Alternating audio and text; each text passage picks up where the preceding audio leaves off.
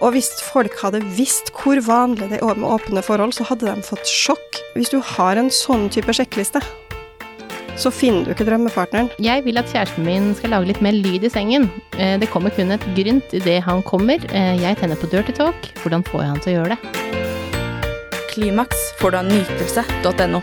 Sexleketøy på nett. Vi har en eh, ny runde med Tone. Du skal svare på litt spørsmål i dag og fra lytterne. Spennende! Ja. Eh, vi kjører i gang med eh, Jeg er singel og syns sexprat på sjekkeapper kommer så fort. Eh, hvorfor er det slik, og hvordan skal jeg finne noen som ikke bare vil ha sex? Ja, og det der, det er et sånt fenomen som har kommet. Altså, dickpics blir sendt under en lav sko, skulle jeg si. Ja. Før man omtrent har sagt hei, så blir man spurt om hvor man skal møtes for å ha sex og alt det der. Så sex har nesten blitt en sånn vare. Ja. Hvis, hvis du svarer med, så forventer jeg sex tilbake. Det, det blir litt den der, da. ja. Og så er det jo litt blitt eh, sjargongen på noen apper. Sånn Ja. som Tinder er det jo Det er jo en grunn til at det er blitt kalt en liggeapp. Eh, så kanskje det er litt feil sted å være. Eh, For å finne en partner. Og så er det jo, vil det selvfølgelig alltid også der være noen som ser etter det samme som deg. Men da må du gjennom ganske mange eh, som spør hva er din favorittstilling, eh, hvordan sex liker du, først. Så tenker jeg også hovedproblemet veldig mange har, det er at på altså Sjekkeapper det fungerer forskjellig for menn og kvinner. Det er det, sånn er det biologisk. Så, og det er det ikke tilrettelagt for. Og det vi også tar bort fra sjekkeapper, det er at man kun har et profilbilde, eventuelt en eh, tekst, men man tar bort duft, man tar bort hørsel, man tar bort feromoner, man tar bort den kjemien som man får ved å møte noen fysisk. Så man sitter og sveiper, og så tror man at man skal finne drømmepartneren. Men hovedproblem nummer to, da, det er jo at alle har en sånn mental sjekkliste om hvordan personen skal se ut og være høy og mørk og ha blå øyne eller blond og store pupper eller sånn og sånn inntekt eller gjøre masse sånn. Altså, hvis du, er, hvis du har en sånn type sjekkliste, så finner du ikke drømmepartneren, fordi at du kan ikke putte de der nå målene dine og de ønskene dine på en partner inn i en maskin, og så trykke på knapper sånn, og så kommer du til en perfekt partner. Sjøl om man kanskje håper at Tinder fungerer sånn, så er det ikke det. Så hvis du sitter og sveiper, og så sveiper bort kanskje ti med skjegg, da, fordi at du har bestemt deg for at nei, han skal ikke ha skjegg, Mm. da har du mest sannsynlig sveipa bort en drømmepartner, eller en potensiell drømmepartner, fordi han hadde skjegg. Mm. Det gir jo ikke noe mening. Og vi er ikke skrudd sammen for å finne partnere på den måten. Og da tror jeg at det kommer den raske sjargongen på sex, fordi at det er det man kan liksom spørre fritt om, da. Mm. Det er ikke så spennende å sitte og, og dele om livet sitt på tekst, men sex det er sånn fort og gærent. Mm. Og så Ja. kan man hoppe litt videre til neste partner hvis man uh, får Og så blir det jo fort eh, mange, og det er ikke at det er noe gærent med at, eh, at hvis det er sex man faktisk er ute etter begge to, så kjør, gjør det. Men, eh, men det vil jo alltid være noen som har skjønt at det, hvis jeg bare later som at det ikke er det jeg er interessert i, så får jeg det likevel. Så, så det er vanskelig sånn over telefonen egentlig, selv om det er jo også der man eh, På en bar, da, så må du også innom mange som da enten er i forhold, ikke er interessert i deg, eh, mens på en eh, sånn som Tinder, da, så har dere begge avtalt å møtes, og det er eh, Dere vet det. Så du, du slipper den der konfrontasjonen med at å få den der i ansiktet 'Å, jeg har kjæreste', eller 'sorry'. Avvist. Ikke sant, det, er- men det er jo litt det der at det er jo så mange kjærester som er på Tinder uten at eh, kjæresten vet det. Mm. Ikke sant, det er jo så mange som kommer i terapirommet mitt og har mista troen på menn og kvinner fordi at ja, nei, og så sa han at han var singel, og så hadde han kjæreste likevel, og det sa han ikke før tredje date, og da hadde de begynt å like han, og ikke sant, og det, det, det skaper så mye mistillit, da. Mm. Ikke sant? Og når vi ser vi som sexologer som jobber mye med det der med følelser og sanser og, og kjemi og alt det der, og, og hva som skal passe sammen, da, Det er også derfor når man møter en date man har avtalt på Tinder, at det gjerne går gærent, at det ikke blir noe andre date eller tredje date fordi at kjemien og det ikke stemmer. Så hvis man møtes gjennom venner, eller hvis man møtes via jobb eller på reise og sånne ting, så er det mye større sjanse for å få et velfungerende forhold enn hvis man er på Tinder. For utfallet blir for stort, og det er så lett å hoppe videre til en ny en hvis ikke alt var perfekt på første date, eller hvis ikke alt var der sånn følelsesmessig og tenningsmessig og sånn første gang man møttes. Og så er det så lett å bare Å, det er sikkert en ny der. For det er det jo. Det er det. De, Også- de er i hopetall. Ja, og så tror jeg jo fort det er eh, litt eh, skummelt å bli avhengig av det kicket Ja. det gir å være på Tinder, at noen likte deg. Eh, For vi er jo glad i å bli likt, alle sammen. Det, det gir oss noe ekstra. Det er derfor det, vi er sånn i begynnelsen av et forhold. Det å få bekreftelse. Og den bekreftelsen dabber av på et eller annet tidspunkt fordi at man glemmer litt bort at man at vi trenger det. Mens det kicket får du hver dag hele tida fra mange på Tinder. Ja, og det at sexpraten kommer så fort, det er jo fordi at det er en arena for det. Man har muligheten. Og så det er ikke nytt, for når jeg var på Nettby og Blink og det så Som var tidligere, så i, sånn i steinalderen, da internett kom. da da internett kom, ja. Eh, Da var det jo det samme. Du fikk de der nå 'hei, skal vi ligge sammen?' Ikke sant? 'Hei, knulle'. Altså, det, det var ikke noe 'hei, hva heter du?' Altså, Nei, nei. og da hadde man jo til og med nickname, så man hadde jo ikke riktig navn engang. nei. Så det er ikke noe nytt fenomen at så lenge det skjer på nett, så kan det skje fort. Mm. For folk mister litt hemninger. Ja. Og det er litt den kicket folk får ved å sende dickpics også. At det er sånn, det kicket på at noen åpner opp og ser meg naken. Og, for den blotterfølelsen, Mm. det er det samme kicket man får. Det trenger ikke å funke så lenge man sjøl får noe ut av det.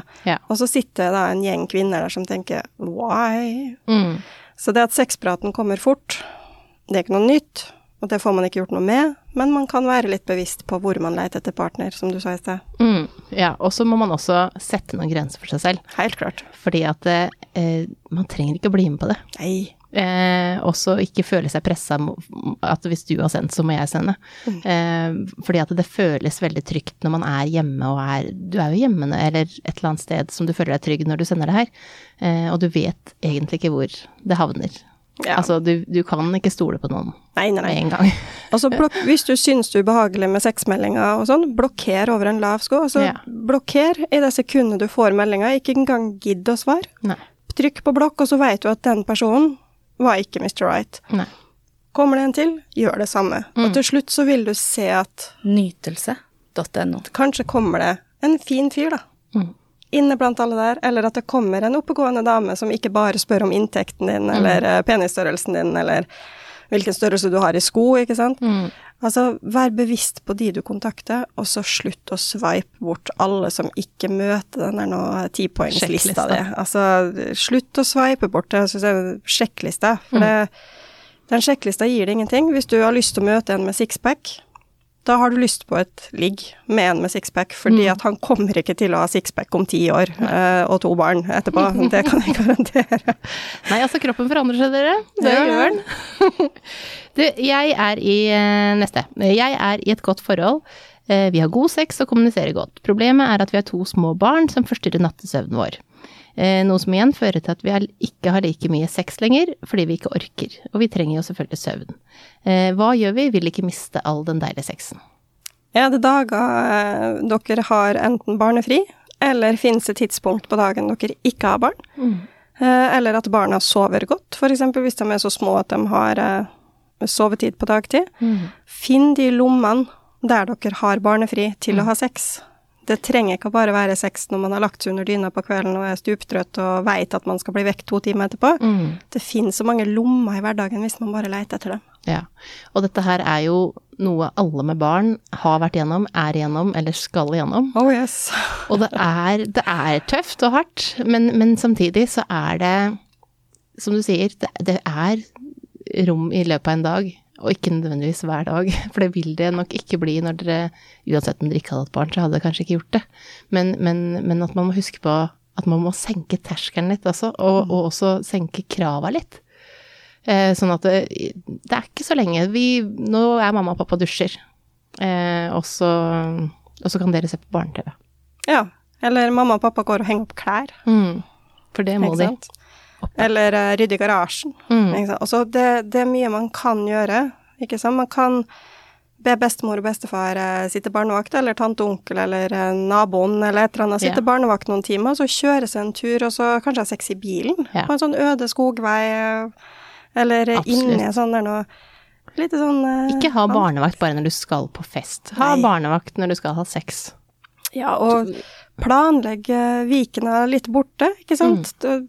Ta en hotellviken hver tredje måned, eksempel, der Mm. dere har to dager eller tre dager til dere, der Mm. dere bare kan nyte og slå dere helt løs og ha den der lange, gode sexen som dere kanskje savner. Mm. Og så har dere litt flere kjappiser og, og litt sånn sex uten utløsning nødvendigvis Mm. innimellom i dagen. Og da vil dere også kjenne at sexlysten opprettholdes på en annen måte enn Ja. hvis man bare tenker at oh, nei, vi har egentlig lyst på sex, men barna ødelegger. Ikke sant? Mm. Da, da vil det bli en sånn negativ spiral. Ja, og så være fornøyd med at ok, i dag var det en i, i, om to dager så er det slikking. Kjappe ting, bare én som får. Eh, man må faktisk endre litt hva man Det, det behovet man har. Altså, det, det vil ikke være helt likt. Nei, det vil ikke det. Men det blir bra igjen. Det blir det. Det gjør det. Absolutt. Jeg vil at kjæresten min skal lage litt mer lyd i sengen. Eh, det kommer kun et grynt idet han kommer. Eh, jeg tenner på dirty talk. Hvordan får jeg han til å gjøre det? Og det der tror jeg veldig mange kvinner nå som sitter og nikker og bare tenker 'samme her'. Altså, det er jo sånn at kvinner lager mer lyd enn menn i senga. Ja. Hvorfor det er sånn? Det, det fins mange artikler der ute. Ja, om det kommer fra porno, eller om det faktisk Ja. er fordi det er deilig. Men det er jo også en bekreftelse på at det man gjør, er godt. Ja, det er det. Og det trenger kvinner også. Men kvinner de connecter veldig mye gjennom lyd. Og det som er også med kvinner, det er at vi lærer jo fra porno at man skal lage masse lyd. Så jeg tror det ligger en sånn I tillegg til biologisk, da, så ligger det i oss hva vi lærer. Men lærer jo at menn lager ikke lyd på porno. Mm. Man er helt stille fordi at porno er lagd for menn. Mm. Det er veldig lite porno som er lagd for kvinner. Og den pornoen som er lagd for kvinner, ser helt annerledes ut enn det du finner på YouPorn og Pornhub og alt det der. Og når du da kun ser porno som er lagd for menn, så vil ikke mannen kunne fokusere på eller lære på hvordan skal jeg gi kvinnen ytelse. Mm. For kvinnene lager lyd for mannens nytelse på porno, for at du skal bli tent og kunne sitte og onanere til det du ser. Og ved å lage lyd og slippe seg løs, så føler mange menn at de gjør noe galt. Mm. Det er ikke naturlig for dem. Så du kan ikke tvinge mannen til å lage lyd, men du kan fortelle hvor deilig du syns det er når han gjør det. Ja, for akkurat på lik linje med at damer lager lyd for mannen sin skyld, så går det jo an å si et lite Komme med noe mer enn Si et lite pip. ja, Nå kommer jeg. Sånn at det er litt sånn Vis, i hvert fall. Altså, vi, vi trenger den der mm, gjennom sexen også, at man viser at man liker den. Bare, det bør ikke være så høyt. Og hvis det er sånn som her, da, at det er dirty talk man tenner på, så prøv litt fram. Begynn sjøl, da. Si, si ting. For det bør ikke bare være stønning, men snakke til hverandre. For det er jo eh, en ting som også er veldig sexy og gjør at det blir tent. Og si at du liker det. Og så er dirty talk veldig abstrakt. Det kan være hva som helst. Så Ja, ja. det trenger ikke nødvendigvis å være hva man sier, men hvordan man sier det. Ja. Uh, Sex Education hadde en veldig god episode på det der, der uh, han mannen syntes det var veldig kleint med dirty talk, og visste ikke helt hvordan han skulle gjøre det, og feila big time. Men som hun også sa, altså du kan nevne middagsrett, bare du gjør det i en sånn litt sånn dirty tone. Og da begynte han jo med det. Så snakk sammen, hva er det egentlig som Hva er dirty talk for det? Hva er det du ser på som dirty talk? Og snakk med partneren, er det her noe du er komfortabel med, eller eventuelt, hva er du komfortabel med å gjøre? Mm. Og så hun som da ønsker at han skal komme med dirty talk, da ikke, ikke le av det, eller kom etterpå sånn 'herregud, hva er det du sa for noe?' For det, Mm. si la den personen si det som kommer inn Mm. akkurat da. La dem få lov til å slippe seg litt løs. Ja. Så det er eh, Ja, lag lyd. Jeg, jeg er helt enig, ja. Altså, jeg syns man skal lage lyd, og vise at man, at man liker det man gjør. Jeg er helt enig. Ja, Og det blir bedre orgasme av det for begge hvis man lager lyd. helt enig. Hva er fordelene og ulempene med åpne forhold? Vi vurderer det, eh, men vi drøfter det mer. Oi, det, det er en helt egen episode, det, tror jeg. Ja, vi har, vi har jo snakka om det tidligere. Du er jo i åpent forhold, Tone. Det er jeg. Sånn at eh, jeg føler du er den absolutt beste til å kunne svare på det her. Eh, For det er jo en del ting man må vurdere før man velger å åpne opp. Ja. Eh, Og for å finne ut om det er det her vi vil. For når man, er gått, når man har gjort det, da, så har man gjort, da har man åpna opp. Altså, jeg kan anbefale dere, hvis dere ønsker å åpne forholdet, eller er singel og vil at neste forhold skal være åpent, så meld dere inn i Facebook-gruppa til f.eks. Poli-Norge. For der finner man likesinnede og ser at man ikke er alene. For idet man har lyst til noe som er utafor normen, så føler man seg så innmari ensom og unormal. Nytelse.no. Og hvis folk hadde visst hvor vanlig det er med åpne forhold, så hadde de fått sjokk. Jeg har så mange klienter som sitter og snakker om det her, at de har et åpent forhold, men ingen vet det. Ikke sant? Ingen kollegaer, ingen familie, ingen venner. Og hvordan skal man da vite hvor mange som faktisk finnes der ute, når de fleste lever i skjul? Det er hemmelig. Alt skal være hemmelig. Mm. Så vær stolt og åpen, og det er ikke noe galt i å være i et åpent forhold. Det er helt naturlig for så mange. Mm. Fallgruvene, det er jo hvis én har lyst, og én har ikke lyst. Mm. Og da er man faktisk nødt til å ta praten. Passer vi sammen?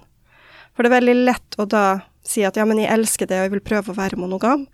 Og så merker man hvor mye det faktisk tynger. Mm. Og det er ikke fordi at partneren ikke er nok, men fordi at man vet at det er flere her ute som man kan tenne på og, og ha det bra sammen med, Mm. i tillegg til partner. Mm. Og det å skulle gi opp den sida av seg sjøl, det er veldig vanskelig for mange, fordi at det, det blir Det blir som å være et heteroforhold hvis du egentlig er homofil. Mm. Du kan være lykkelig, men det er noe som ikke stemmer. Mm.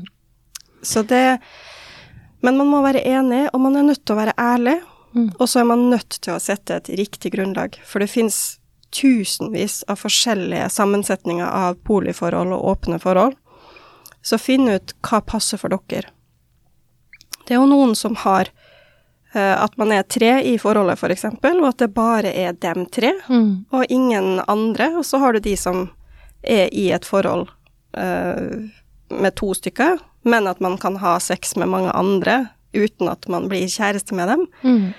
Altså, finn ut hvilke type åpent forhold ønsker du, Ja. og kunne fortelle det til partneren din og si at det her ønsker jeg, og være åpen for at ting kan endres. Mm. Og der kan jeg jo dele litt personlig, eh, for jeg møtte min eh, kjæreste for to og et halvt år siden. Og når vi var, første gangen vi snakka sammen, så eh, var det jo ikke meint at vi skulle bli kjærester. Vi, vi var medstudenter. Men vi var veldig åpne fra start om at neste gang vi er i et forhold, eller når vi, når vi er i et forhold, så er det et åpent forhold. For ingen av oss eh, ønsker å være monogam. Mm. Eh, og det har vi jo lært med prøving og feiling med andre forhold. Mm. Men så blei vi fort Så blei vi jo forelska, da. Ikke sant? Og så var vi veldig tydelige på hvordan vi ville ha det da. Og nå, to og et halvt år etterpå, så har vi fortsatt ikke hatt sex med andre. Nei. Fordi at det er ikke noen andre som er interessante for oss. Vi har det så bra sammen. Men vi er fortsatt i et åpent forhold. Mm. Hvis det dukker opp en, eller to, eller ti, så er vi fortsatt i et åpent forhold. Mm. Men vi kommuniserer hele veien. Vi tar en sånn innsjekk i forholdet. Noen hvert halvår, hver tredje måned. eller Sånn, ja, hva, øh, hvor er vi nå? Hva føler du? Mm. Er du litt sånn på vei til å og gått Har du noen interessante øyne, liksom? Eller har du møtt noen spennende de siste månedene? Og snakke om det, og så si nei, vet du hva. Vi har det så bra at andre interesserer meg ikke nå. mm. Ikke sant? Det er en sånn prat man kan ha. Men når det går så lang tid uten at man Man er i et åpent forhold, men uten at man har sex med andre. Når én da kommer til å ha det, det Tenker du da at det, da kommer den andre til å ha det ganske raskt? Fordi at den andre har Nå har du hatt det, så nå kan jeg ha det òg. Nei, for vi har den avtalen om det, og jeg tror det vil hvile veldig godt i oss sjøl Mm. på at det er ikke noe konkurranse. Så hvis uh, Max har kjæreste Nei, hvis Max uh, har sex med noen andre, eller blir kjæreste med noen andre, eller hva han nå måtte gjøre, eh, så er ikke det noe som påvirker mine følelser til han, eller at jeg føler at nå må jeg. Eh, jeg har jo hatt en flørt en periode med noen jeg ikke kan ha møtt pga. covid. Mm. Eh, Men vi har en sånn stående om at hvis det nå skjønte om at det visste om at vi skulle ende opp i seng sammen en eller annen gang i framtida, så er det fint, for vi har lyst på hverandre. Mm. Men vi skjer det ikke, så skjer det ikke. Da, da er vi fortsatt gode venner. Mm. Og Max veit om det, Mm. og han veit også at det er ikke noe trussel. Og jeg veit også at hvis de skulle endt opp å ha sex med han fyren her, så hadde ikke Max rusha ut for å finne seg noen andre å ha sex med. Sjøl om han har muligheten til det. Det er kanskje en monogam tankegang av meg, men uh... Nei, men det er mange som tenker det sånn, og det er mange som åpner forholdet som også blir litt sånn åh, visst, hva er det for å ha sex med andre, liksom? Ja, er det det, liksom, skal man ha sex med hele verden?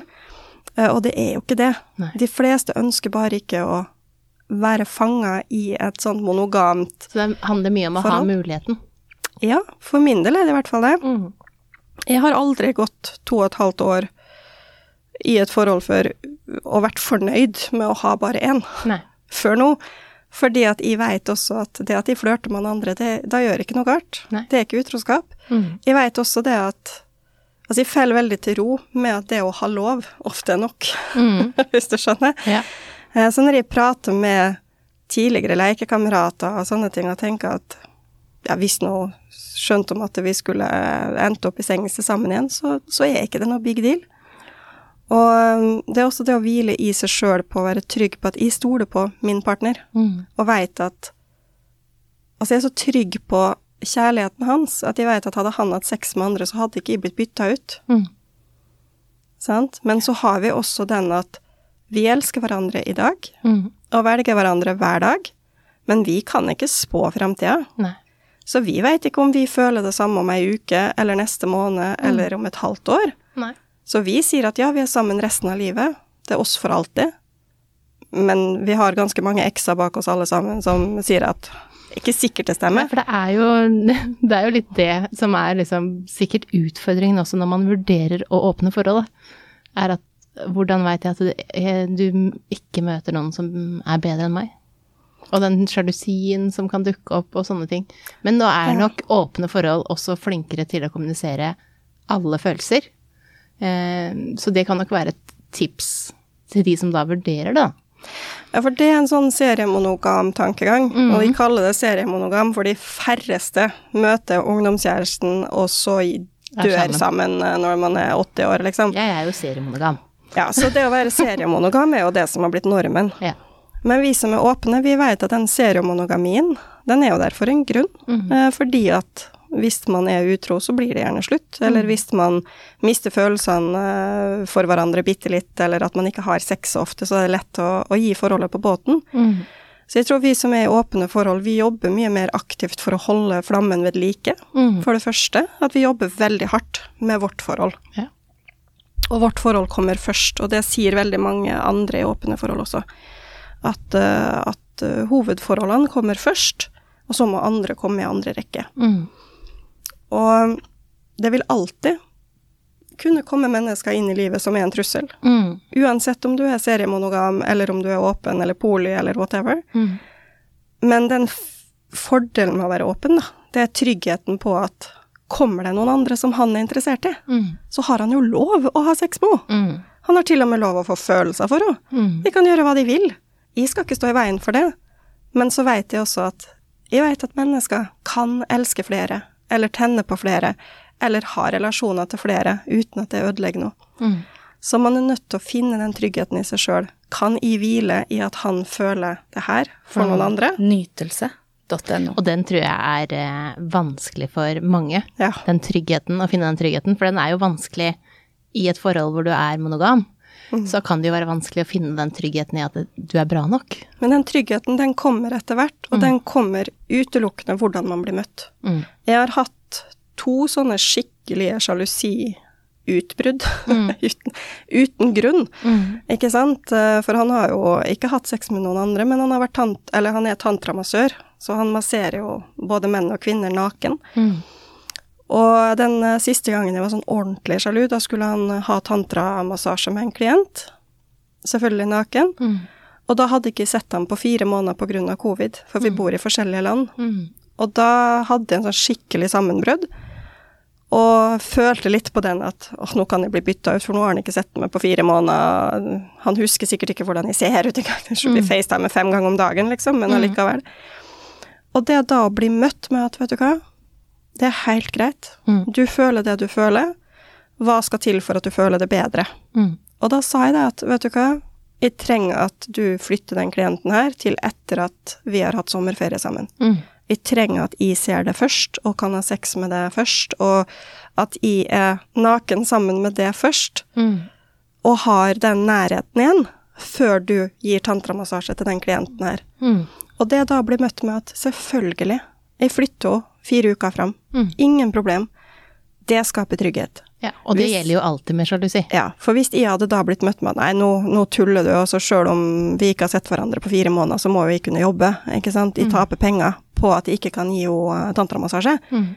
da hadde jeg følt meg utrygg. For da hadde ikke mine følelser vært viktig nok til at han tar tak i det og sier at la meg høre hva du sier. Mm. Og det er sånne opplevelser, hvis man stadig vekk blir møtt i sine negative følelser, Mm. og sine gode følelser, så skaper det en trygghet. Trygghet må fortjenes, og trygghet må bygges opp, og det gjør man over tid. Så hvis man ønsker et åpent forhold, prøv det, se om det passer for dere, og ta en revurdering sånn innimellom. Er vi fortsatt der at det passer for oss? Hvordan gir man en prostataorgasme? Man kan enten bruke fingrene, som tar veldig mye kraft og kan føre til senebetennelse hvis man gjør det for mye. altså. Eller man kan kjøpe en prostatavibrator eller en prostatapinne, sånn, eh, nesten sånn dildo-lignende. Finnes masse i glass eller eh, i Som metall. peker mot Som- prostata. Ja, som får, har en sånn bue, sånn at man kan som vipper dem på prostata, da. Mm. Eller bruke prostatavibrator. Eh, Det er de, de letteste metodene, da. Mm. Jeg vil anbefale å kanskje ikke bruke fingre, for det er fryktelig slitsomt. Mm. Og gjør man det ofte, da kan man faktisk eh, føre på seg senebetennelse, altså. Ja. Også, men så, samtidig så bør man også kjenne etter med fingrene hvor prostata er, så man Ja, er kjent, både som kvinne og mann. At man vet hvor det ligger, og at man har kartlagt litt sånn åssen kroppen fungerer, da, at, og hvor ting er. Og det er veldig deilig å bruke fingrene både inn og ut, og det å utforske analen, ikke sant, med, med fingrene. Mm. Kjempeviktig å bruke fingre, men hvis du skal jobbe det mot en orgasme, så, så blir det for tungt over lengre tid. Mm, Så for altså- all del, bruk fingrene. Ja, så, sånn at også særlig når man ikke har gjort det før, at man eh, ikke sant, putter fingeren i rumpa, så nei, jeg kjenner ingenting, det var ikke noe for meg. At man, det kan fort bli litt sånn. At, man, at man ikke helt For man vet ikke helt hvor man skal gå. Ja, så er det en sånn um, uklar definisjon for når du putter fingrene inn, da. Uh, hvis f.eks. mannen ligger på ryggen, og du putter fingrene inn, så skal du oppover mot magen, altså oppover mot penis. Uh, og det er ca. en sånn fingerlengde inn. Mm. Men noen har prostata litt lenger inn, noen har det litt lenger ut. Så her er det viktig at mannen gir beskjed Mm. hvor du treffer. Og du kjenner at uh, partneren din treffer prostata hvis du får en sånn intens tissefølelse. Mm. Da har du truffet prostata, og da må du si det at 'åh, nå traff du'. Mm. Og så må du også kunne veilede og si at 'å, det trykket der, det var deilig', eller eh, 'nei, nå, nå blir det litt for intenst, kanskje du skal ta den litt lenger ut', ikke sant? Kanskje du skal prøve med to fingre. Og så, når man har kartlagt hva som kjennes deilig, så kan man bytte ut fingrene med leketøy for å få den eh, langvarige stimulien da, som fører til orgasme. Mm. Flott. Siste spørsmål er mm, Kan man få et forhold til å fungere selv om man har forskjellig kjærlighetsspråk? Jeg syns det er vanskelig, han vil ha masse tid sammen, og for meg blir det litt mye. Ja, man kan fungere sammen eh, hvis man har eh, forskjellig kjærlighetsspråk. Eh, men det er veldig mange som har samme kjærlighetsspråk uten å vite det. Man snakker bare forskjellig dialekt. Mm. Så hva er tid sammen, Mm. ikke sant? Og hva gjør man med den tida? For det er noen som elsker å tilbringe tid sammen med å gå en tur, se en film sammen, sitte og lese sammen, være sammen, og så elsker man å ha den alenetida. Og så har du de som skal gjøre alt sammen. Mm. Så finn ut hva er det som er en god balanse der. Mm. Og så er det litt det der, og det her nå får jeg sikkert masse tyn, men det er ikke forskningsmessig bevist at det finnes noe som heter kjærlighetsspråk. Nei. Men Gary Chapman han har skrevet om de her, og de er jo, de er jo kartlagt. Og vi vet at de fungerer veldig ofte, men det er ikke noe forskning som sier at det er kjærlighetsspråkene som driver et forhold framover eller bakover. Nei. Så litt mindre fokus på kjærlighetsspråk, og litt mer fokus på kommunikasjon. Mm, og Hva hvilke kan vi, behov og hvilke har man? behov, ikke Mm. sant? Så har, du tid, har kjæresten din behov for tid sammen, finn ut hvilken tid. Ja, hva hva, spe ja, hva spesifikt ønsker han med den tida dere tilbringer sammen? Mm. Og så har du lov å si at ok, det kan jeg være med på så og så mye, men jeg har behov for litt space, Mm. så jeg har behov for det her. Mm. Så det, det er bare det å snakke sammen. Mm. For det kan fort bli eh, altså litt sånn Vi er forskjellige. Vi er forskjellige. Og vi er forskjellige. Alle er forskjellige. Det er veldig rart hvis du skulle vært helt lik noen. Så vi er forskjellige, vi har forskjellige behov, og så må man snakke om de behova og se hvordan man kan møte partneren sin på eh, de behova, og også komme med sine egne behov, sånn at man faktisk er klar over hva jeg trenger. Ja, så har du de da som, hvis man bruker tid, da, som var i spørsmålet her. For noen så er det tid sammen å sitte ved siden av hverandre og lese en bok, eller ligge i senga og, og lese en bok, eller sitte sammen og se en film, mens for andre så er det fjelltur og, og gjøre noe aktivt sammen, hoppe i fallskjerm sammen, eller ri sammen, eller så gjøre fysiske ting sammen. Og alt er jo tid, Mm. men så spørs det om man har den samme type tid. Mm. Og så er det jo litt også hvis den ene f.eks. er kronisk syk, Mm. og ønsker å ha masse tid sammen, men ikke kan være med på den aktive tida som partneren ønsker, så er man også nødt til å finne en balanse. Mm. Hva, hvilken type tid kan fungere for dere? Mm. Så ja, forhold kan fungere med forskjellige kjærlighetsspråk, Ja. men man er nødt til å finne en balanse. Ja, og man må kartlegge behovene sine og snakke om det. Helt klart. Og egen tid er superviktig i et forhold. Takk for at du kom, Tone. Takk for at jeg fikk komme. Klimaks får du av nytelse.no. Sexleketøy på nett.